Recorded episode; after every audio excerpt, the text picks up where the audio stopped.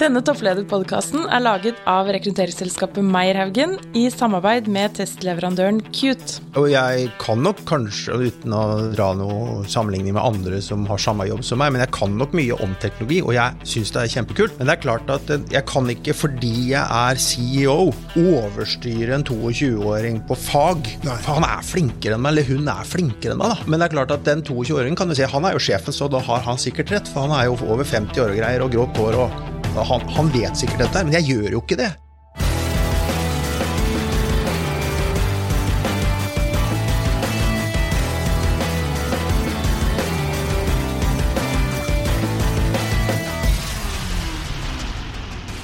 Ja, i dag er vi så heldige at vi har med en veldig spennende gjest, Sverre. Ja, det er en gjest som jeg kjenner fra tidligere.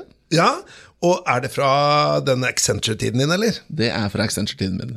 Men velkommen til deg, eh, Jens Haviken. Jo, takk skal du ha.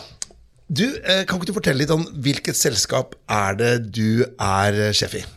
Jeg er sjef i et selskap som heter Techstep. Um, vi er 220 mennesker i Norge og Sverige. Jobber med mobilløsninger, først og fremst, da. Ja, Mobilløsninger. Hva da, mobilløsninger? Ja, alle har vi jo en mobilløsning i lomma, men vi hjelper store nordiske virksomheter med å ta i bruk mobilteknologi. Jeg pleier å si eh, dra fordelen eller nytten av å bruke mobilen til noe mer enn eh, sosiale medier og ringe og sånn. Ja. På jobb, rett og slett. Jeg syns det var veldig veldig konsist og godt forklart. Det kunne vært noe for oss også. Jeg har, jeg har øva på det. veldig bra. Men uh, vi, vi er veldig glad for å ha deg her, som sagt. Um, og så tenkte vi før vi, før vi liksom brekker i gang med å snakke om det vi skal snakke om, så vil vi jo gjerne at lytterne skal få lov til å bli litt kjent med deg. Ja, da er det viktig at da har vi en sånn, eh, en sånn eh, liten fast spalte her da, som kalles Passion. Passion. Så, og, og da er innledningen som følger da, at hvis eh, nå en fremmed hadde gått opp til deg på en fest eh, og begynt å snakke om en eller annen tematikk, hva skulle vedkommende begynt å snakke om da for at du virkelig fikk vann på mulla? Er det noen guilty pleasures? Er det noen ting som du tenker ah, dette har jeg lyst til å prate om i timevis? Altså Det er vel kanskje en av mine styrker og svakheter. At jeg, er- jeg, på en, I en sånn setting så kan jo jeg nesten prate om hva som helst. Eh, men det det, det er virkelig er Jeg er veldig glad i idrett, og spesielt fotball. Ja. Så jeg kan jo bli ganske godt engasjert rundt eh, eh, fotball i England. Ja. Og i Østfold, men det har vi slutta å snakke om. Jeg hører litt siste på dialekten din at du, du, du kommer ikke fra Oslo vest. Du er ikke født, du er ikke født Nei, der. jeg gjør ikke det. Jeg kommer fra Fredrikstad. Ja, ikke sant? Og da er det FFK. Da er det FFK. Og de, det har vel gått litt opp og ned. Hvis jeg skal være snill, så kan jeg si at det har gått litt opp og ned de siste åra. Det er vel egentlig mest ned. Ja, hvis man ser over tilstrekkelig lang eh, tid, Ja. så har det vært en slags berg-og-dal-bane, men det er mer ned enn opp. Ja. Ja. Men øh, jeg, jeg legger merke til at vi prøver å unngå temaet om engelsk fotball. Er, det, er vi redd for at det blir litt hett i studio her, eller? Ja, vi har allerede fastslått før vi begynte sendinga at vi holder med hvert vårt lag. Og de lagene er ikke akkurat bestevenner, har jeg skjønt. Nei, det er de ikke. Selv jeg som ikke kan noe om fotball, har skjønt det. Ja. Nei, men jeg må bare gi deg et kompliment. Jens, sa akkurat, akkurat når vi prater nå, så, går, så flyr Liverpool høyt om dagen. Eh, Det er ikke mitt favorittlag, men jeg, eh, det er nesten så jeg ønsker dem eh, at de vinner serien i år. men, Ja, bare, er, men bare nesten. Ja, det, er nesten, det var veldig store ord fra en United-supporter, tenker jeg. Det er helt riktig. Men du vet at det, det som hadde vært litt interessant hvis de ikke vinner i år heller, så hadde det vært et 30-årsjubileum eh, i Ja, ja. 2020. For de hadde vunnet serien sist. Sverre, kan ikke du ta over nå, er du snill? Ja, da jeg, jeg er frista til å spørre om hvem som vant Champions League i fjor, men jeg vet ikke om jeg avslører Ja, det husker jeg godt. Ja, og hvem var det da? Det var Liverpool. Akkurat. Og da ville jeg sagt ja, det Eller er i år, da. Det er feil svar. Det riktige svaret er Who gives a damn? Ok, jeg tror, Nå må vi gå inn her. Eh, Så passion, det er fotball. Det kan vi allerede Men la dere merke til hva jeg gjorde nå for øvrig. For å skape litt mer samhold i podkasten her, så lagde jeg en ytre fiende for dere. Sånn at dere kan da irritere dere over meg, som ikke er interessert i fotball. Så det er jo det eldste triks i boka. Ja, jeg tror vi går videre til tre kjappe, jeg, Sverre. Ja. Eh, Vi skal snakke om toppledelse, og på slutten av eh, praten vår så skal du få lov til å svare på tre kjappe som vi introduserer nå. Eh, Så du skal få lov til å tenke over dem underveis. Og da skal vi spørre deg Men vi må jo kunne si at lytterne våre også kan også tenke over hva de ville svart hvis de hadde fått dette spørsmålet. Ja, det, det er klart. Det, er- det er lov. Eh, og da skal vi spørre Haviken om hvis han skulle gitt en anbefaling på en serie eller en film eh, til lytterne, hva skulle det vært? Eh, og så skal vi spørre om et godt tips, hans beste tips faktisk, for å få til work-life balance. Eh, og det er jo et interessant spørsmål til en toppleder. Eh, og til slutt et tips for å hente faglig inspirasjon. Og det gleder vi oss til å høre hva, hva du koker sammen eh, etterpå. Men nå skal vi knekke til på det å være toppleder. Men, men uh, Jens, kan ikke du fortelle litt sånn Du var litt inne på at uh, Techstep dere jobber med, med mobile løsninger. Men det er et uh, relativt lite selskap til å være børsnotert. Uh, 220 personer. Så jeg antar at dere har Det ønsker vel ikke å være 220 personer i all framtid? Nei, men Det er vel ikke antall personer hovedsuksessen uh, for oss, da. Uh, men, men, nei, vi, vi, har ikke noen ambisjon om å være der vi er nå i, uh, i størrelse, om det være seg omsetning, lønnsomhet eller antall ansatte. det er et selskap som de som grunnla det, jeg har vært der i halvannet år ca., men de som grunnla det, hadde en, en stor og heftig ambisjon og en idé om en verden hvor man så Eh, ja, mobilitet raser framover, og det var ingen eller få aktører som hadde tatt tak i det eh, på bedriftsbasis, eller eh, gjort, noe, gjort, mye ut av det. Så det var en gjeng som for noen år siden begynte å slå sammen og kjøpe opp små mobilforhandlere, egentlig, og slo sammen. Så vi er, er i dag et, et selskap som består av Jeg vet ikke hvor mange oppkjøp det kan ha vært historisk, ja, men det sted mellom 15 og 20 oppkjøp og sammenslåinger over de siste 7-8 åra. For det er jo interessant ut fra et sånn kulturperspektiv. Kanskje kan vi komme litt tilbake til senere. For eksempel, det er jo to strategier for å vokse. Det er jo organisk, og så er det oppkjøp. Ja, ja. Og dere har da valgt en oppkjøpsstrategi. Ja, og, og det er eh, Det er to grunner til det, egentlig. Det ene er at det eh, det, det viktigste, den Hovedgrunnen er jo at den, vi klarer ikke å vokse organisk fort nok. Altså Markedet utvikler seg raskere enn vi klarer alene. Altså Hvis vi liksom bare skulle gjort det, det, det organisk, så altså hadde vi ikke hengt med, rett og slett. Nei, ikke sant?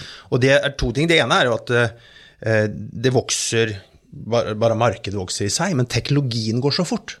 Så plutselig kommer det inn noe noen nye greier Eller sånn som AI, da, eller kunstig intelligens eller maskinlæring, eller hva man skal kalle det. Det er jo en disiplin. Ja, du kan jo, kan jo, ikke ta en som er fryktelig god på eh, kalle radiofrekvenser, og si nei, nå, i morgen skal du begynne å jobbe med AI. Nei, ikke sant? Det går ikke. Så hvis vi tenker at det er noe som kommer til å treffe oss, da må vi finne et miljø eller noen folk som og rett og slett innlemme dem i vårt, i vårt selskap. Ja, som allerede har den kompetansen, ja. ja. ja. Det, det, handler jo, det handler jo om å for å gjøre det kjapt nok, da. Ja, for å gjøre det kjapt nok. Og, og, og, det er klart at hvis, Du kan tenke deg hvis du, du, hadde vært en ekspert innenfor et område, så ringer jeg du har du lyst til å begynne med dette hos oss, så vil du si ja, hvor mange andre er det der fra før? Så, nei, det er bare deg, da. Ja, så, da begynner du ikke hos meg. Det vet jo dere som rekrutterer. Ja. Så, så, det, så, det, er ikke så veldig mange andre måter å gjøre det på i min bok, da. Nei. Men dere har jo ganske stor markedspenetrasjon. Ja, det vil jeg si. Spesielt i Norge. Hva, si litt mer om det. Nei, altså, hvis, hvis, du ser på de Vi jobber jo først og fremst med ganske store kunder eh, og store miljøer. Og hvis, hvis, du ser på de kundene vi har kontrakter med i dag, så har de mer enn én million ansatte. Oi. Det betyr ikke at vi har én million brukere hos oss, eh, men, men, de har mer enn én million ansatte.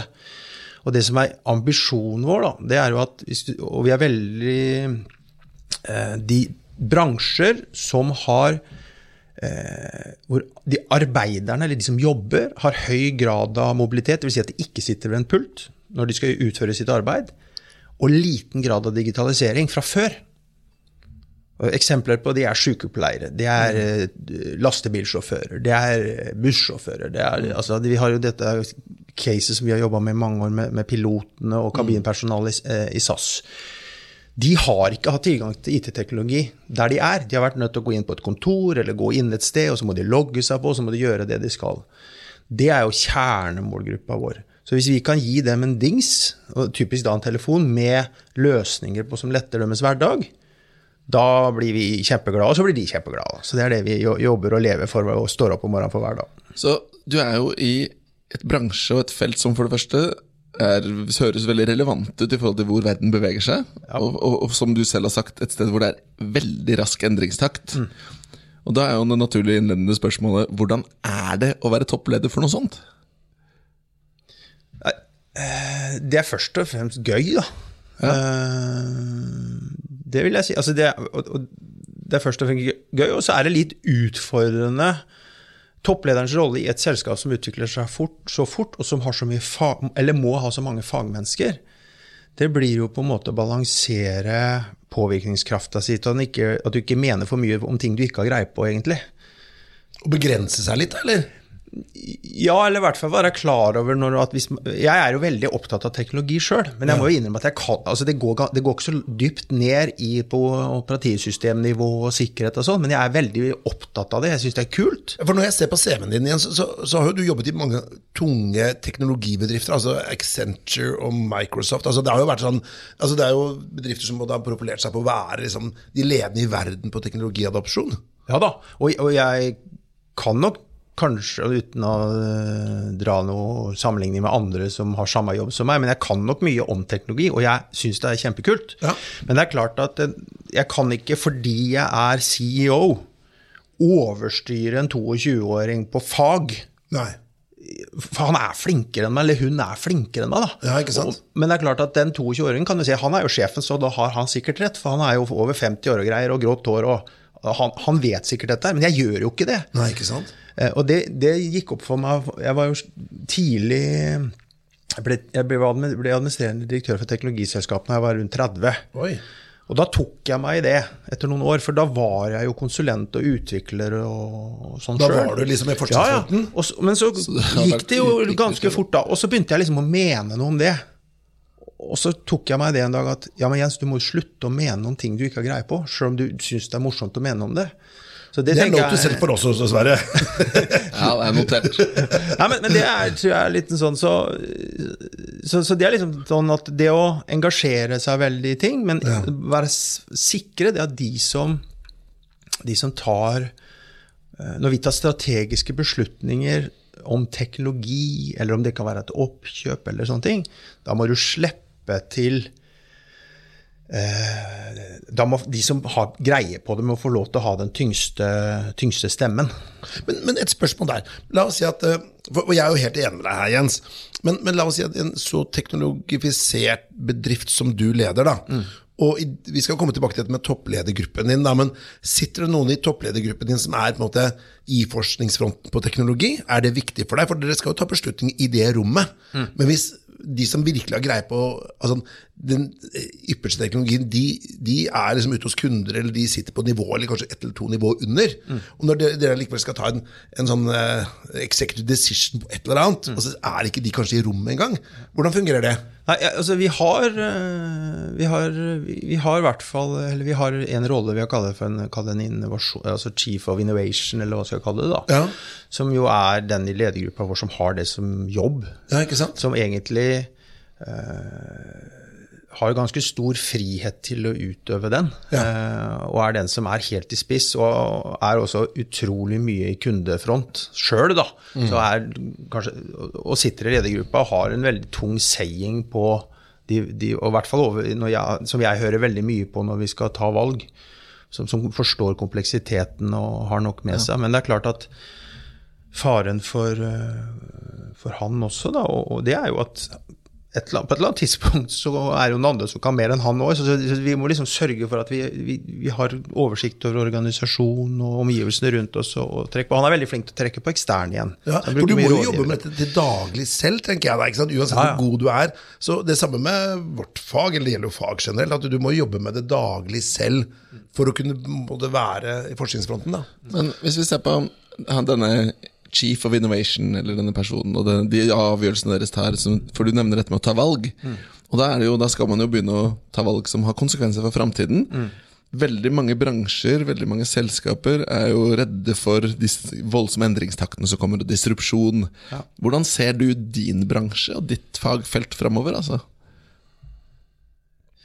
Eh, nei, vi, vi- altså vi, vi er jo en distrupsjon i oss sjøl. Ja. Så vi er jo Vi ønsker jo å, å endre den bransjen vi er, er midt oppe i. som jo er dominert av et par veldig, veldig store aktører. Uh, og hvor vi ønsker å ta en plass i det. Og, og, det, og det er um, Så, så distribusjon, altså tem, høyt tempo distribusjon er bra for oss som selskap. For vi er bedre satt opp til å fikse det enn mange av de som på en måte prøver å få til det samme som oss. da.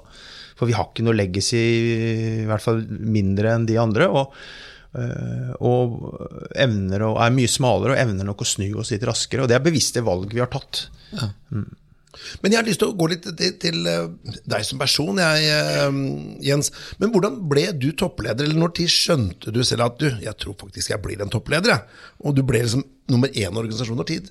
Var det en drøm, en sånn barndomsdrøm du hadde, eller har det bare liksom blitt sånn? Nei, det var ikke en barndomsdrøm jeg hadde. Jeg, eh, jeg vokste jo opp med Keegan og Torsvik og sånn, så jeg skulle jo bli fotballspiller. Ja, ja. Men jeg var skikkelig dårlig. Ja. Så det var, Det er, det er, eh, det var, heldigvis, det var heldigvis en trener som sa til meg da jeg var sånn 16-17 år, at han sa det vel litt sånn, han var veldig direkte, så sa han jeg tror kanskje du skal satse litt på skolen Jens, for jeg tror ikke den der, eh, den, den, fotballkarrieren din tar deg særlig langt. så det var, det var en av de... For en 16-åring å høre, Det var en av de bedre råda jeg har fått. Men han eh, Nei, altså Nei, det Jeg har aldri hatt eh, fokus på det at jeg skal bli noe som helst, jeg. Nei. Jeg har, hatt, jeg har hatt fokus på å ha det moro, omgi meg med flinke folk og lære. Ja. Uh, så jeg tok vel et bevisst valg når jeg gikk til Microsoft fra Accenture. For i, i Accenture så hadde jeg en ganske stor i hvert fall et stort team. Eh, Et nordisk team etter hvert. og Kjempefantastisk. Jeg var der i ti år. Herlige år. Har lært, aldri lært så mye nesten noen gang. Og så dro jeg til Microsoft, og det gjorde jeg for å lære meg en del ting som man ikke lærer i et konsulentselskap. Salg, marketing. Ja. Eh, og det er og Microsoft er jo en maskin. Så det, altså alt er eh, planlagt, alt er rigga. Eh, og man, I starten var jeg veldig forvirra over det, men, men når jeg lærte hvordan det der fungerte, det har jeg tatt med meg mye videre etterpå. Det har jeg sett det er jo mange av de kollegene jeg hadde den gangen, som, som sitter i tilsvarende roller som jeg sitter nå. Og det er jo fordi du, du lærer deg å drive butikk helt eksepsjonelt, mm. hvor strømlinjeforma ting er, da. Men da jeg gikk til Microsoft, så var det ikke for å, med en hensikt å ha en karriere i Microsoft, men det var for å lære meg noen ting jeg ikke hadde med meg fra før. Og målet mitt da var å få en jobb eh, i et norsk mindre selskap og få lov til å sitte som administrerende. Og lede noe som hadde en, en, en milliard i omsetning, var målet mitt den gangen sånn for meg sjøl. Da. Og da havna jeg i et selskap som et norsk datasenter, som ble kjøpt av svenskene i, i Dustin. Og var der i vel fem år, og det, det fikk vi til, så det var skittkult. Ja. Og da fikk du smaken på toppledelse. Da er det sånn at du tenker at jeg vil aldri gjøre noe annet enn å være toppleder? Det, det, ja, for det var et veldig godt spørsmål. Ja, jo, for det er jo noen som tenker en gang leder, alltid leder. Og så har jeg jo også pratet med ganske mange personer som da har vært leder på et høyt nivå, da, og av en eller annen grunn ikke er det lenger. Ja. Og jeg tror nok de, veldig mange de savner det trøkket og den bøssen og den ansvaret.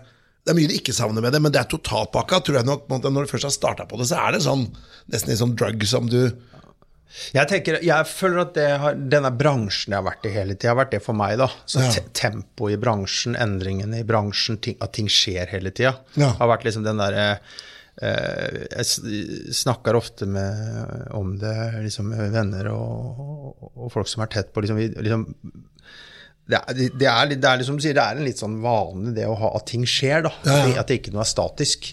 Men, men jeg tror ikke Jeg tenker vel det at jeg, jeg må nok ikke det. Eh, jeg, men det å jobbe med Det å kanskje jobbe med andre som andre toppledere eller andre ledere og hjelpe dem på veien, da, det hadde vært eh, spennende. For jeg tror jeg har litt å tilføre etter hvert. Ja, ikke sant. Men jeg tenkte vi skulle se litt på det med forskjellen mellom å være mellomleder og toppleder. da. Ja. Hva vil du si er den største forskjellen på det? Ja, den, eh, altså det er jo mange, det er mange nivåer mellomledelse. Eh, forskjellen på i et konsern sånn som vi er, min jobb og han som er sjef for Norge eller Sverige eller en av de store forretningsenhetene, er ikke så kjempestor. Nei. Nei, det syns jeg Men det er, det er eh, det som er Men liksom, hvis vi går et hakk der under dem igjen, da, forskjellen på den den toppleder, den øverste ansvaret for en eller annen litt stor resultatenhet hakket under, det er jo litt at du er litt alene. Det er ikke så fryktelig mange å, å snakke med alltid, så du må jo være du må være flink til å finne egen motivasjon og egen driv og stå i ting. ikke sant? Må, så, så det, tror er, det, tror jeg er, den største forskjellen. Det, så du har liksom, og når du kommer der jeg er nå, og det eneste som er over der, et, et styre og en, en, en styreformann, så er det nok enda viktigere at du er heter det self-contained, eller hva skal jeg kalle det for noe? Ja. At du, du, er litt robust og ja, du, kan, jeg, legger, du sier self-contained, hva mener du? Nei, nei, men at du, du, du, må, du må kunne eh, Du kan ikke forvente at noen andre skal motivere deg. Nei. nei. Du kan ikke forvente at noen andre på en måte skal gi deg inspirasjon. Det, det, får du selvfølgelig av andre, men du, de andre må du finne sjæl. Det er liksom ingen som det, det, er på en måte ingen å gå og klage til og, og sånne ting, da. Men noen ganger må du jo klage til noen. Så, så måte, men det må du sørge for at du må finne nettverket ditt, du må finne folk rundt deg, du må liksom gjøre det. For du kan jo ikke ta det ned til de folka under deg alltid heller. Det, blir, det, er ikke bra, ikke sant? Nei. Nei. De, de, de, kan ikke se en, en, en, en sliten, oppgitt uh, og, og, hva skal jeg si eh, en, en, toppleder som ikke helt vet hvor den skal gå hen. Nei. Det er ikke noe pluss. det er ikke noe pluss. Det er ikke, det er ikke positivt å få panikk. Men, men, jeg, men ja. Kan jeg spørre om ja, det? Fordi du sier at du kan ikke ta det ut, du må liksom finne noen å snakke med. Hente ja. inspirasjon hos eller klage til. Eller, hvem, hvor finner du det? Uh, nei, det finner jeg i de som er eh, tett rundt meg. Altså jeg, men jeg, akkurat det som har med jobb å gjøre, det, der har jeg en to-tre stykker som jeg, som jeg, ringer og snakker med. Ja. Uh, en gammel kollega fra Microsoft som, jeg, som vi har veldig like verdier, som, som, som jeg syns jeg får mye ut av. Vi deler alt fra kule powerpoint-skisser, liksom. Har du sett denne, eller har du lest denne boka? Eller liksom, altså, dette har jeg sett, det er kult, liksom. Det, mm. Dette tror jeg du kan ha nytte av òg. Um, og så har jeg brukt en, uh, en, konsulent i noen år til noen prosesser jeg har kjørt, som jeg har stor glede av å, å snakke sammen med. Så hadde jeg en, og det er mange år tilbake, en, en coach som jeg også hadde på en måte på sida, på utsida, som jeg brukte mye, som lærte meg fryktelig mye. Um, så, så, så, du har liksom funnet noen sparringspartnere? Ja, det har jeg. Også, ventiler? Hmm? Noen ventiler? Ja, eller ikke ventiler, men, men ja, du, du, må jo spørre noen til råds, da. Og spesielt i, i, hvis du er i en krevende situasjon forretningsmessig. Um, da hjelper det jo ikke å snakke med dem som står i den samme situasjonen sjøl. For hvis vi hadde hatt svaret, så hadde vi jo gjort noe med det. ikke sant? Så, så da, da, er det ofte at du må litt på utsida Hva tenker du om dette her? Og sånn, og noen ganger kan jo det handle om å leie inn hjelp. ikke sant? Um, det gjør jeg ikke så veldig ofte, egentlig. Uh, men det er, det, er, det er, å ha noen å kjøre en sånn sanity-sjekk med innimellom. Og noen ganger er det jo bare rett og slett et klapp på skuldra og si at dette går bra. Ja, dette, dette, fikser du, Jens. Ikke sant? Men, men, men, det jeg hører du sier nå, er at når jeg prater med en del toppledere, så sier de at det er ganske ensomt å være toppleder, er det flere som har sagt til meg. Ja. Og ensomt i den forstand som at du, du, har ikke så mange som forstår hvordan det er å være toppleder. Du, man kan jo prate med liksom, si, familien sin og venner, men hvis ikke de er toppledere selv, så vet ikke det de har, ikke, de har ingen forståelse for det trøkket. da. De kan ikke skjønne det trøkket. Og de som måtte, i bedriften så kan heller ikke prate med dem, for det sånn, der skal du være den sterke, klare lederen. Mm. Eh, så det, det, de ofte sier, er at du ha et sånt et toppledernettverk mm. som du ikke er da i bedriftskonkurranse med. da. Mm. Så det er ikke så mange du kan gå til, rett og slett. da. Hva, hva tenker du til? Ja, ja, det er jo egentlig det jeg har gjort. Men jeg, jeg, har ikke meldt meg inn i noen av disse nettverkene. da, Men jeg har, jeg har, jo en tre-fire stykker som på en måte sitter i tilsvarende roller som ja. uh, som jeg prater med. Så det er i praksis det jeg gjør. Så er det ensomt, men du må jo forholde deg til noen, sånn som styre og ja, eiere og sånt. Nei, jeg opplever ikke det ensomt ensomt, men, men jeg, jeg, bare erkjenner at sånn er det. At ja. det, er, det, er, noen spilleregler som går med denne type jobb, som du må bare forholde deg til. Og tåler du det ikke, så skal du ikke ta en sånn jobb, egentlig. Men la oss, la oss, snakke litt mer om styret, da. Ja. Uh, hvis du tenker Spør deg, da. Hva mener du, hvordan er et ideelt styre for deg? Eh, sammensatt eh, Det er et styre som er eh, aktivt og har kompetanse om det du holder på med.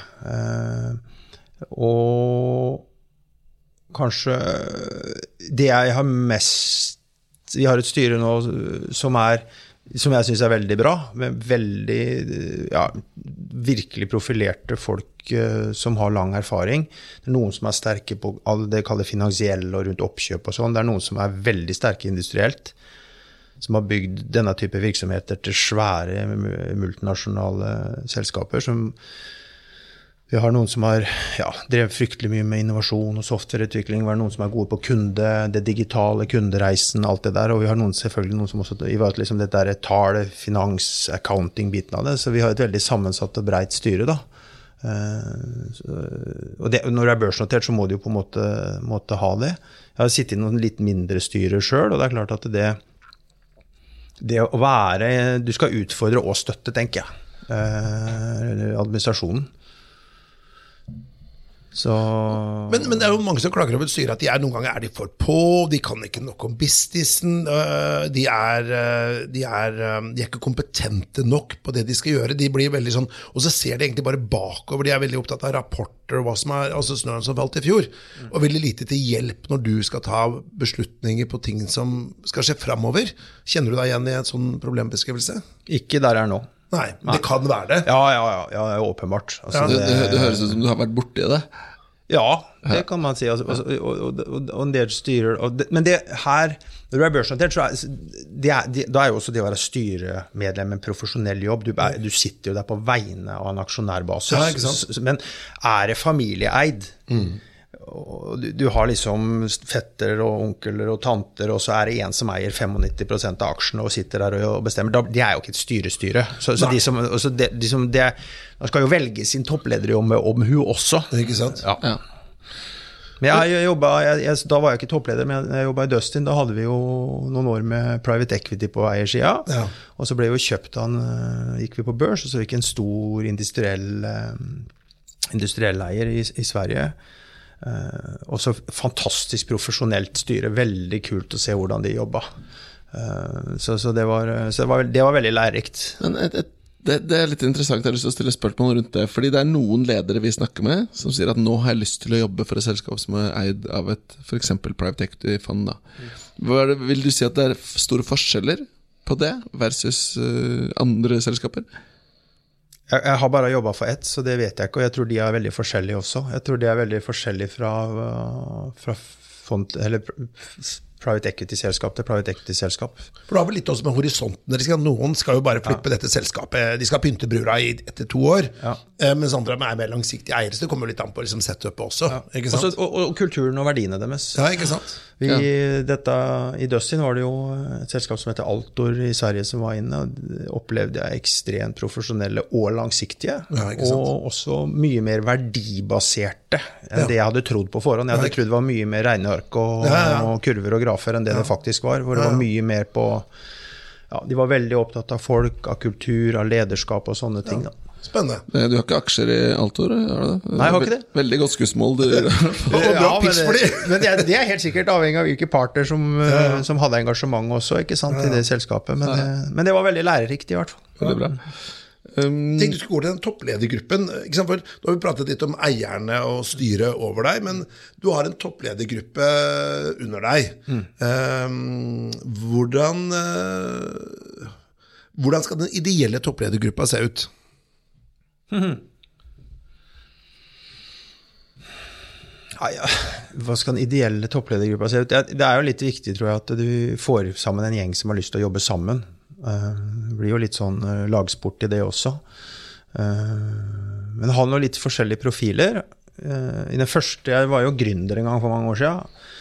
Og da ble vi enige til slutt at vi, er, vi, må ikke finne på å plukke folk som er annerledes enn oss sjøl, for det stopper bare opp alt vi prøver å få gjort. Ja. Det har jeg vel endra litt syn på. på etter hvert. Ja, ja, og, så det er å ha det er å ha liksom litt forskjellige profiler med litt forskjellig erfaring. Um, og det er klart at hos oss så, har vi jo noen som driver, kall det er, det er, noen som er sterkere på indretjeneste og prosesser og operations. Det er noen som er sterkere på marked og marketing og, og, den biten der. Vi har noen som er sterkere på teknologien og sånn, så du må prøve å sette det sammen, da. Um, men den ideelle, jeg tror den ideelle gruppa den har du først når, det, det vet du jo først når du ser hvordan han virker, tenker jeg. Altså du, du har de folka der, og du ser om de spiller eller ikke. Ja, ja. Eh, Så det handler jo om tillit og alt det der tradisjonelle. Vi må Men stole på hverandre. mister, hvis du mister den tilliten, da For, for, for la oss si sånn at du, du har sett, enten så arver man et team. Ja. Det er det som som regel skjer. Eller så kan du da etter hvert begynne å øh, plassere inn nye spillere på laget ditt, for å si, bruke fotballmetaforen her. Mm. Men hva gjør du? Øh, og det er ofte synes jeg er vanskelig, da, men la oss si en som ikke funker, da. Mm. En som, og, du har gitt noen sjanser. Hva gjør du da? Nei, da må vi jo finne en løsning som innebærer at man ikke er i den rollen lenger. Ja.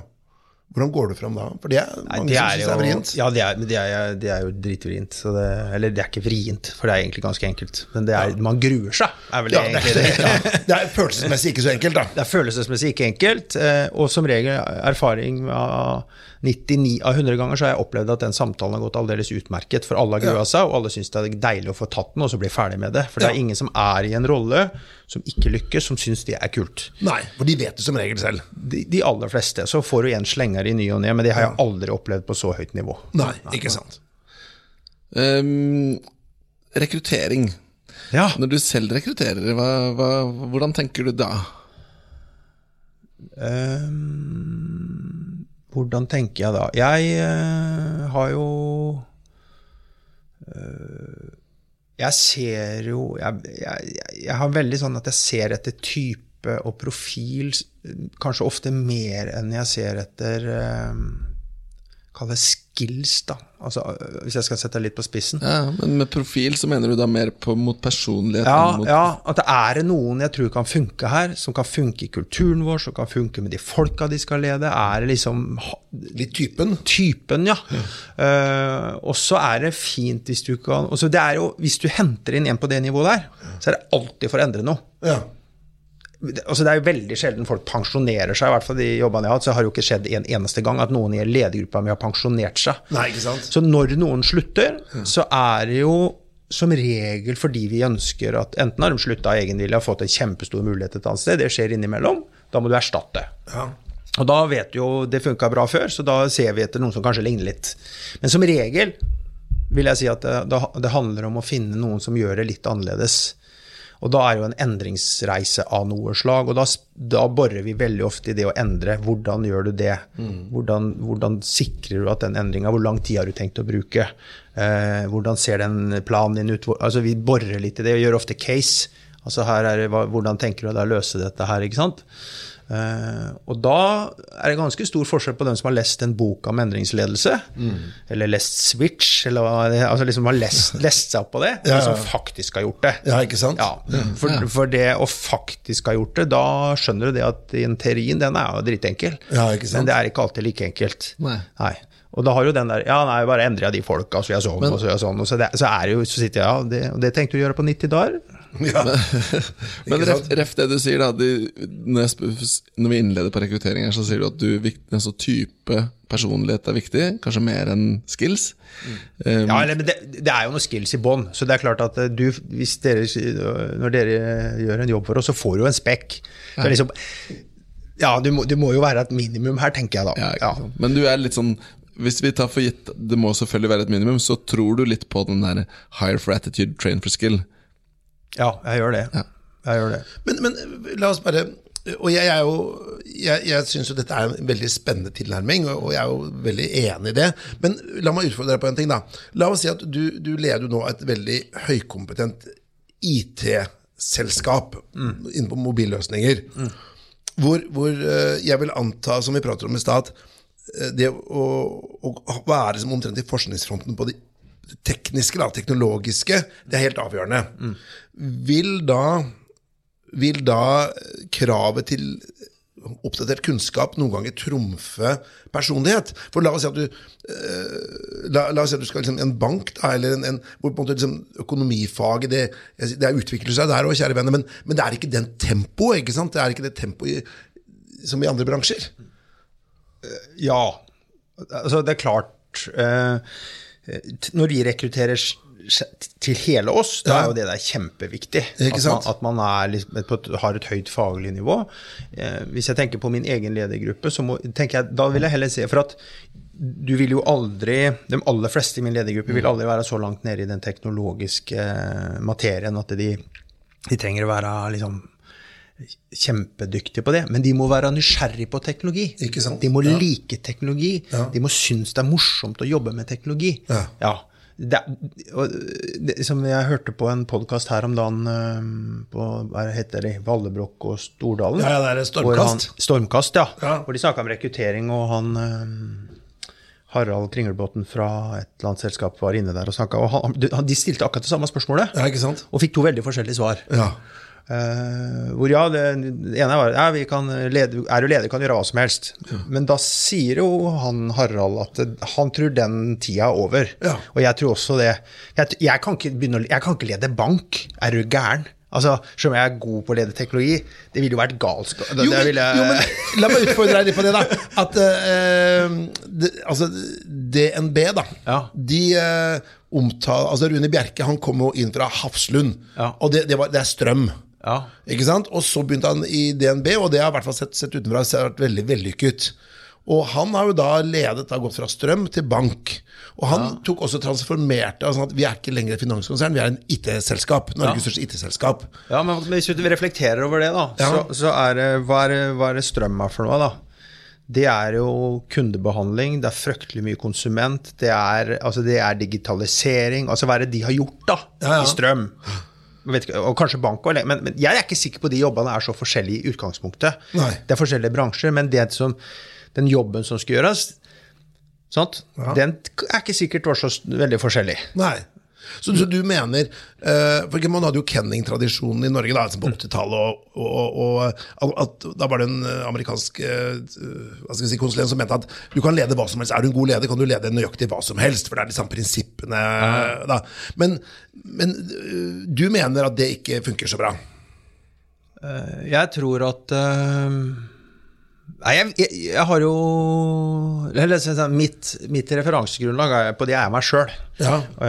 og det har uh, Så jeg har liksom funnet ut at det, uh, Jeg har jo bytta områder innenfor min bransje. Ja.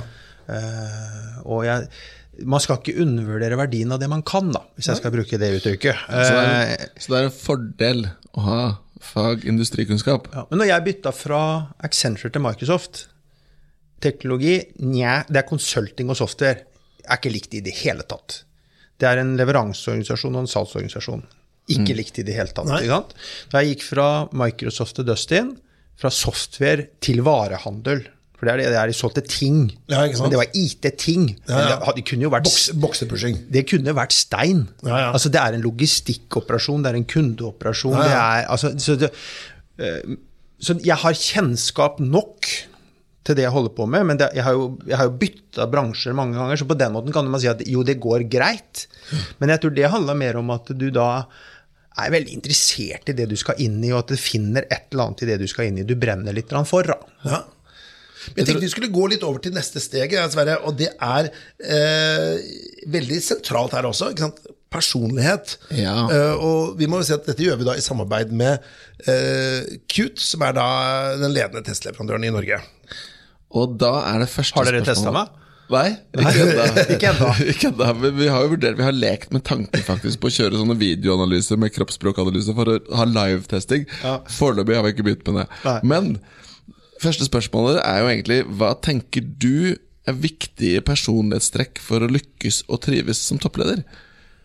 Det er et stort, åpent spørsmål. Ja, eh, og siden du sier at det er personlighetstrekk, så er det ganske personlig, da. Sånn, Ja. så, så, og det betyr jo, i min verden så tror jeg veldig, tenker at uh, det fins vel ikke én arketype uh, som sier at denne arketypen blir toppleder. Det kan vel hende det er noen som er mer representert enn andre, det har jeg jo sett for så vidt. Men, men jeg tror, du, du må jo vite, jeg tror det, det handler om å vite hvem man er sjøl, og hvordan jeg skal bruke min personlighet til å utøve akkurat denne oppgaven. Uh, men jeg, jeg tror det handler mye om det her eh, Jeg pleier å si du må være nysgjerrig. eh, du må du må være nysgjerrig til at du lærer deg noe, så må du ha mot til å mene noe om det du har lært deg. Og så må du på en måte ha utholdenhet til å implementere det du har lært, og så må du være ydmyk nok til å endre deg når du tar feil.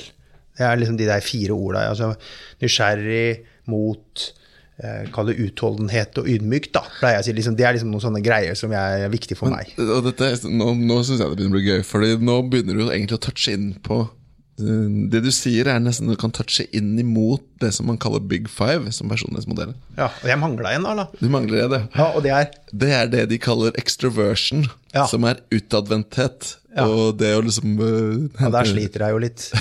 du gjør det, ja.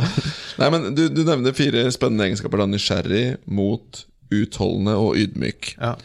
Eh, I, et, en av toppledermodellene som, til KUT, så, så snakker man om noen, noen andre egenskaper. Eh, For eksempel så snakker man om dette som en egenskap som kalles entusiastisk. ja. Eh, Tenker du det er en viktig egenskap for å være toppleder? Jeg tenker det eh, Ja, det tenker jeg kan være en viktig egenskap hvis det er personligheten din.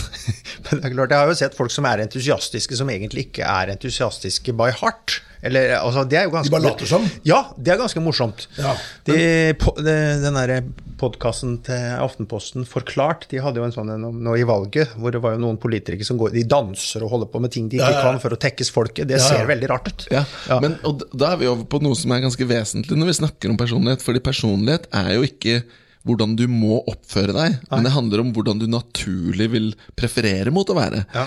Så jeg eksempel er jo ikke av natur strukturert, men etter ti år i Accenture så har jeg lært meg en viss struktur. Jeg kan være strukturert, men det koster meg mer Ja. enn en som er natu personlighet som er strukturert. Neida, Men jeg, jeg tror det å skape Hva du sa, entusiasme? Entusiasme. Ja, ja, det å skape et entusiasme er jo viktig, for det, det blir jo morsommere for alle der, tenker jeg. Så det er jo liksom litt at du har en egenskap, i hvert fall at du får ut å boble litt, da. Ja, og, og, da kan du si da, da er vi over på dette med å formidle Ja. og klare å få gjennom et budskap. Hvis vi snakker om det med å overbevise andre, da. Tenker du det er viktig? Å klare å liksom få perspektivet ditt, få andre til å se din retning? Ja, øh, hvis jeg skal inn i et styre og be om å gjennomføre et prosjekt vi som ledergruppe har valgt å gå for, så er det en viktig egenskap. I den prosessen å komme fram til den beslutningen, så er ikke min jobb først og fremst å være overbevisende i den gruppa som jobber med det prosjektet, tenker jeg. Nei, ja, det, det er veldig interessant. og En veldig bra presisering, egentlig. Hvordan overbevisende å være det er viktigere kanskje i den ene retningen enn den andre. Altså Kanskje Ja. viktigere oppover enn nedover. da Ja, eller det kan være viktig, eller nedover eller utover også, men, men, men det, ti- ti- litt avhengig av når. For det er klart, hvis du tenker at jeg skal være overbevisende hele tiden, da har du på en måte tatt et standpunkt at jeg vet alt, og det er, jeg, det er mine tanker som er denne bedriften. Og det, jeg er vel kommet blitt såpass gammel at jeg har innsett at det fins en del andre smarte folk rundt meg. Ja, ikke sant, for Det er noe av grunnlaget. Ikke sant, for det, det vi baserer dette på, er jo da uh, Qt, testleverandøren Qt, og de har da denne testen som heter Shapes Executive. Da har disse personlighetsegenskapene som vi da i samarbeid med dem har funnet ut at dette er eh, ting som kanskje kan måle toppledelse best. da. Men det man ser da er at liksom, hvis du tenker overbevisende, hensynsfull, resultatfokusert, besluttsom, teoretisk sånn, disse, disse momentene, de har en, en positiv side, og det er en negativ side. For eksempel, er du for overbevisende, eh, så kan det være også negativt. Du kan, eh, du kan bare Det kan jo gå til å bli manipulerende. ikke sant? Og du, du, du, innser aldri egne feil, du er, blir en sånn solkonge og sånn. Entusiastisk. At liksom, du, du klarer å få med folk på, på ting de ikke burde vært med på. Ja. Eh, og historien er full av eh, ledere som har vært veldig overbevisende og entusiastiske og, overoptimistiske. Eh, og det har ikke gått spesielt bra, da. Det er vel en stor sak nå. Den der amerikaneren som får verdens største sluttpakke for å ha kjørt dette co-worker, eller hva det heter, i, i grøfta. Ja, ikke sant? Han har vært veldig overbevisende, har jeg hørt. Ja. Mm, Jeg har ikke sett den sjøl. Bra. Jeg tenkte vi skulle se litt på dette her med mm, eh, Dette med å lede en non-profit, dessverre. Det er jo et moment vi har lyst til å gå inn på, eh, på mot slutten av disse podkastene våre. Ja, og da er vi over på Nå har vi snakket mye om virket ditt i dag, og tekststep osv., men så har man jo ofte andre ting man tenker er viktig og opptatt av, og da er vi litt nysgjerrig på å spørre Hvis du skulle gått inn og ledet en non-profit, eh, hvilken non-profit skulle det vært? Jeg har aldri tenkt på. Ehm, jeg er veldig Altså hvis det er noe som liksom eh, jeg, jeg brenner litt for, da, eh, Så jeg er veldig opp... Altså, barne- og ungdomsidrett syns jeg er viktig. Ja. Eh, fordi det, jeg har jo vært trener i mange år for og det se eh, Det å legge til rette for at barn kan ha en aktiv eh, hverdag og et mening, noe meningsfullt å gå til, da, som et alternativ til kjøpesenteret eller noe sånt, det, det er en viktig samfunnsoppgave, Ja. syns jeg. Ja.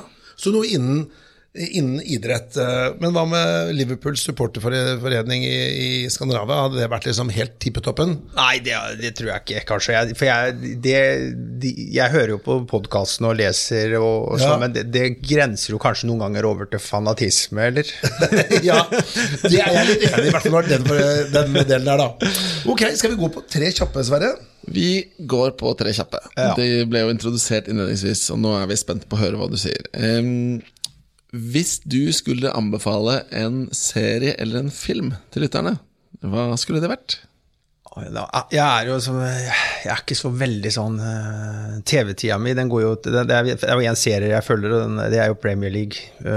Ja, så, men, eh, men jeg, men jeg 38 episoder i løpet av et år. Ja, så det er jo, jeg er jo mest der, kanskje. Men eh, Nei, jeg eh, jeg, eh, har- jeg har sett på denne nå i det siste, denne dokumentaren om Bill Gates. Ja, Jeg jobba jo noen år i Microsoft, og det er en fantastisk fyr. Ja. Uh, og det er, eh, det er Han er blitt filantrop. ja, ja, veldig inspirerende. ja. Det er klart det er lett å være filantrop når du har tjent så mye penger, men, eh, Jeg så men det- Han gikk akkurat forbi Jeff Bezos som verdens rikeste nå. ja, men han, eh, han gjør mye bra for verden. Ja, Og det, er veldig, det var veldig inspirerende, syns jeg. Jeg kjenner jeg fikk lyst til å se ja den. den, den kommer jeg til å se nå i helgen. Eh, så bra. og så er det jo én ting som jeg syns vi på mange vis har tipptoet litt rundt, da. Og det er litt det trykket som toppleder. Ja. Eh, Det har vi ikke vært så mye på, men vi, vi har jo snakket med andre, og, og det er ikke noen tvil om at det er en krevende jobb. Ja.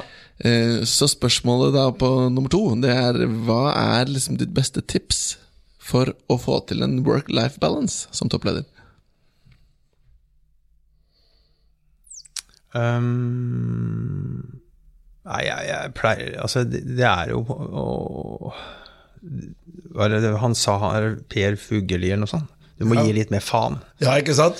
uh, men, men altså, jeg pleier å si, når det koker litt, da Dauer jeg av dette? Vi er der. Ja, og så er det sånn, ja, ja og, hvis, og hvis du fortsetter å ha det så høye skuldre, så gjør du jo det. ikke sant? Så, så poenget noen ganger så må du liksom altså puste med magen, roe ned. Altså, hva er det verste som kan skje? Eh, er det noen som kommer til å dø nå? Sant? Når det koker litt og sånn. Og det er det jo ikke. Nei. Som regel. Altså, det er jo noen som har sånne jobber. eh, helse og, og, og, og sånt. Men, men det er ikke så ofte jeg er involvert i den type dramatikk. Eh, så jeg pleier egentlig å, å roe det. Altså, liksom, for at det å jobbe mye er ikke noe ille i seg sjøl hvis man føler at man har kontroll. Hvis man føler at man har kontroll på situasjonen, og sånn, så kan du si hvor ofte har du det i den, en sånn jobb? Da, at du føler at du har kontroll på alt, og svaret er jo nesten, på en måte nesten aldri. Men du, du må liksom tåle Du kan ikke bli stressa over så mye, tror jeg. Nei. Du, du må Ja, ja Så, så, spennende. så det, er det er snakk om en mental, et mental holdning, egentlig, og liksom, gi litt mer faen, som du sier. Ja, altså, ja, det blir jo gøy. Det høres men- litt, men, jo, men det er det. Altså, du, du, må liksom, du må ikke gå i kjelleren for alt, og må ikke ta alt personlig og sånn. Altså, det er klart at du eh, Noen ganger får du kritikk, noen ganger med rette, noen ganger med urette. Eller du føler det kanskje med urette, for at du har gjort jækla mye, men resultatene kommer ikke ennå. Så må du stå der da, og, ja. levere et budskap som kanskje ikke folk rundt deg hadde forventa, eller børsen eller eierne hadde forventa. Eh, og vite det at du har gjort alt du skulle, men markedet eller et eller annet, det, har skjedd et eller annet rundt deg. da. Eh, da må du liksom greie å stå i det sjøl uten å Ja. koke helt over. Da. Ja. Jeg syns det er et godt tips. Ja. Ja, eh, og det er sånn som Erna Solberg også sier. Eh, Hun sier at eh, hennes beste lederegenskap er at hun har evnen til å legge ting bak seg. da. For det er nok av kritikk og dritt som skjer, uansett om du er toppolitiker eller toppleder. Men å legge det bak seg og se framover. Nei, det, det, er, det er ikke noe særlig å gå og gnage på ting. Altså, jo, hvorfor sa han det, og hvorfor altså, det, så, Hva mente han med det? ja, nei, Ja, det, Men det, det filteret har jeg heldigvis ikke. Da. Det er en hyggelig egenskap i personligheten ja, ja. Bra. Du, Siste, siste spørsmål da, det er eh, faglig inspirasjon. Har du noen tips til lytterne på steder du har hentet faglig inspirasjon? Uh, Jeg Ja, altså fa, Jeg I og med at jeg har vært mye sånn Jeg har jo vært mye eh, Som leder så prøver jeg å delta på en del sånne konferanser om det vi faktisk leverer. Ikke en del, men innimellom en gang i årene. sånn Delta på et eller annet forum. Jeg, jeg blir oppdatert på trender og marked og litt sånn. Og så er jo nettverket mitt, da. Eh, og det er, tenkte jeg, når, så har jeg liksom kverna litt på det. Og det er klart at uh, mange deler ting på LinkedIn, mange sender, vi sender hverandre greier og, og sånn. Det, det, er nyttig. Uh, og så er det en stund siden sist, men jeg har jo innimellom satt meg sjøl på skolebenken for å lære meg noe. Ja. Ja. Men det er, noe, det er, noen år siden sist nå, men, men det, da er det liksom å få, få lov til å, å, gå litt i dybden på, på et eller annet. Ja. Det kan være spennende i ny og ne. Så det er både sånn microlearning, og så er det også litt større ting som er uh, inspirasjonskilden din. Både skole og folk og konferanser. Ja, men, men jeg fjuler nok mest på å, å, å, ha folk rundt meg som, jeg, som, kan ting, og jeg føler jeg lærer noe av. da, Møte, hvis, møte folk. Hvis du hadde fått liksom en litt sånn gratis ekstra tid og kunne lært deg noe nytt, og da mener jeg liksom tatt et kurs, eller noe, hva skulle det vært? Nei, jeg, hva skulle det vært? Altså så, Sånn jobbrelatert, eller noe helt, helt Du kan få lov til å velge Nei, hva skulle det vært? Jeg har jækla lyst til å lære meg å snakke italiensk, da. Ah, buongiorno. ja, grazie. ok, og da, Det virker som dere trenger ikke det kurset, da. Men jeg tenker vi skulle gå inn for landingen. Og både Jens og Sverre, jeg synes det har vært så spennende å høre om uh, mer om tekstet. Det har vært spennende å bli deg bedre kjent med deg, Jens. Og jeg må bare si tusen takk til dere også som lytter på, og høres neste gang. Takk skal dere ha. Takk, takk. Har du innspill eller kommentarer til denne podkasten, kan du sende en e-post til toppleder at meierhaugen.no.